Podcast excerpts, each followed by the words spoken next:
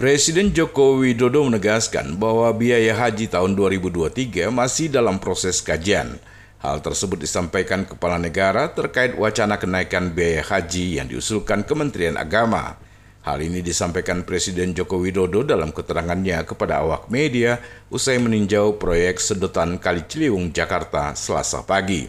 Menurut Presiden, Biaya haji yang diusulkan oleh Kementerian Agama masih belum final. Saat ini pemerintah masih melakukan proses kajian dan kalkulasi terkait biaya haji tahun 2023. Biaya haji masih dalam proses kajian, itu belum final, belum final sudah rame.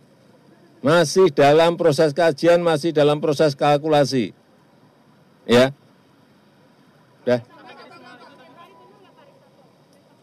Hmm?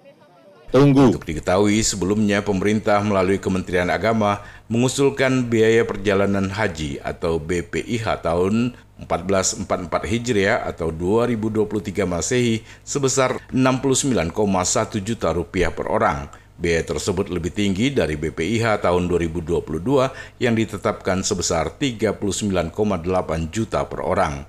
Prima Erma, Tim Liputan Barabas melaporkan.